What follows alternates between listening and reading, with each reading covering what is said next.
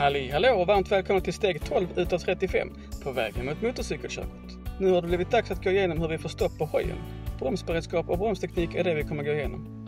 Motorcykeln har bromsar både fram och bak och generellt så ska de användas tillsammans men det finns undantag där man vill vara extra försiktig med framförallt frambromsen. Och det är när det är dåligt väglag. Alltså om det till exempel finns grus, grenar, löv, oljefläckar eller annat som kan försämra ditt grepp. Se även upp för de vita vägmarkeringarna när de har regnat. De blir nämligen hala när de blir blöta. Då ska det inte så mycket till för att låsa hjulet om det bromsar lite för hårt varpå risken är stor att du lägger ner hojen i backen. Och det vill vi såklart inte. Många hojar nu för tiden är utrustade med ABS, alltså låsningsfria bromsar. Och då är risken i princip obefintlig att du låser hjulen. Men var ändå uppmärksam på väglaget och var förberedd på det mesta. Hur bromsar vi då? Frambromsen hittar vi framför höger hand på styret. Jag rekommenderar dig att använda alla fyra fingrar för att greppa bromshandtaget. Detta dels för att det tar ett tag innan du lär känna hojen du kör för tillfället och hur pass bra bromsarna biter. Men även för att om du någon gång måste göra en riktigt kraftig inbromsning inte riskera att klämma något finger och i värsta fall inte heller kunna uppnå den bromsverkan du behöver. När du har lärt känna din hoj, hur bra bromsen tar och så vidare så är det upp till dig själv att bedöma om du kan använda färre fingrar, men börja i alla fall som sagt med fyra. Bakbromsen använder vi genom att trycka ner pedalen under höger fot. Ofta behöver man inte trycka alls hårt för att bromsa men alla hojar är såklart olika så bekanta dig väl med just din hoj. Vid en inbromsning så vill vi till största del använda frambromsen och till en mindre del använda den bakre bromsen. Detta framförallt eftersom frambromsen står för den största kapaciteten av att bromsa din hoj.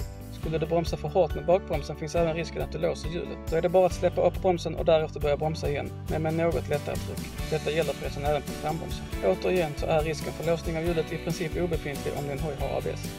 Tänk på att om du behöver bromsa kraftigt så håll samtidigt in kopplingen, annars så kommer du få ett motorstopp.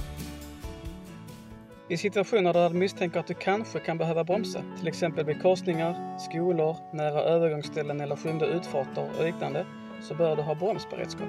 Det innebär precis vad det låter, att du är förberedd på att bromsa utan att faktiskt göra det. För att förbereda inför en eventuell inbromsning så lägger du fingrarna över bromshandtaget och placerar foten ovanför bromspedalen. Jag vill snabbt passa på att flika in här att vid vanlig körning, då har du istället foten placerad något längre bak och låter tårna vila mot fotbenen. Detta för att du inte ska riskera att råka och ligga småbromsa hela tiden, men även för att inte riskera att få tårna i vägen vid en skarp kurva. Förutom att göra dig redo för att bromsa så innebär bromsberedskap även att du gör dig extra observant på din omgivning och aktivt letar upp eventuella faror som du kan behöva stanna för.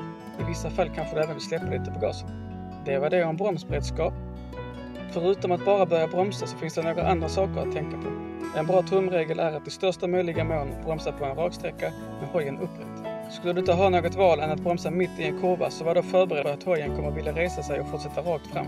Så var då inte rädd för att motstyra än mer. Men detta är som sagt något som ni till varje pris vill undvika och det är även därför vi alltid saktar ner innan kurvan. För att kunna hålla igen gas in och sedan gasa oss ur. Så fort du börjar bromsa så kommer vikten förskjutas framåt. Därför så placerar vi oss rätt redan innan vi påbörjar inbromsning.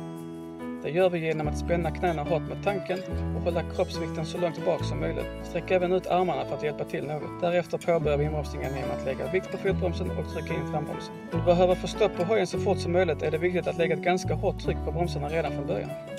Låt oss säga att du kör på en grusväg. Då vill du vara lite mer försiktig med frambromsen och istället jobba lite mer med bakbromsen. I alla fall om din hoj saknar ABS. Nästa gång kommer vi gå igenom lite allmänt säkerhetstänk, så glöm inte att prenumerera och aktivera notifikationer för att inte missa det. Sen har ni väl inte heller missat mina andra videos på Youtube, bland annat provkörningar och vloggar på svenska, spanska och engelska. Tipsa gärna era vänner om min kanal så ses vi nästa gång. Tjingeling!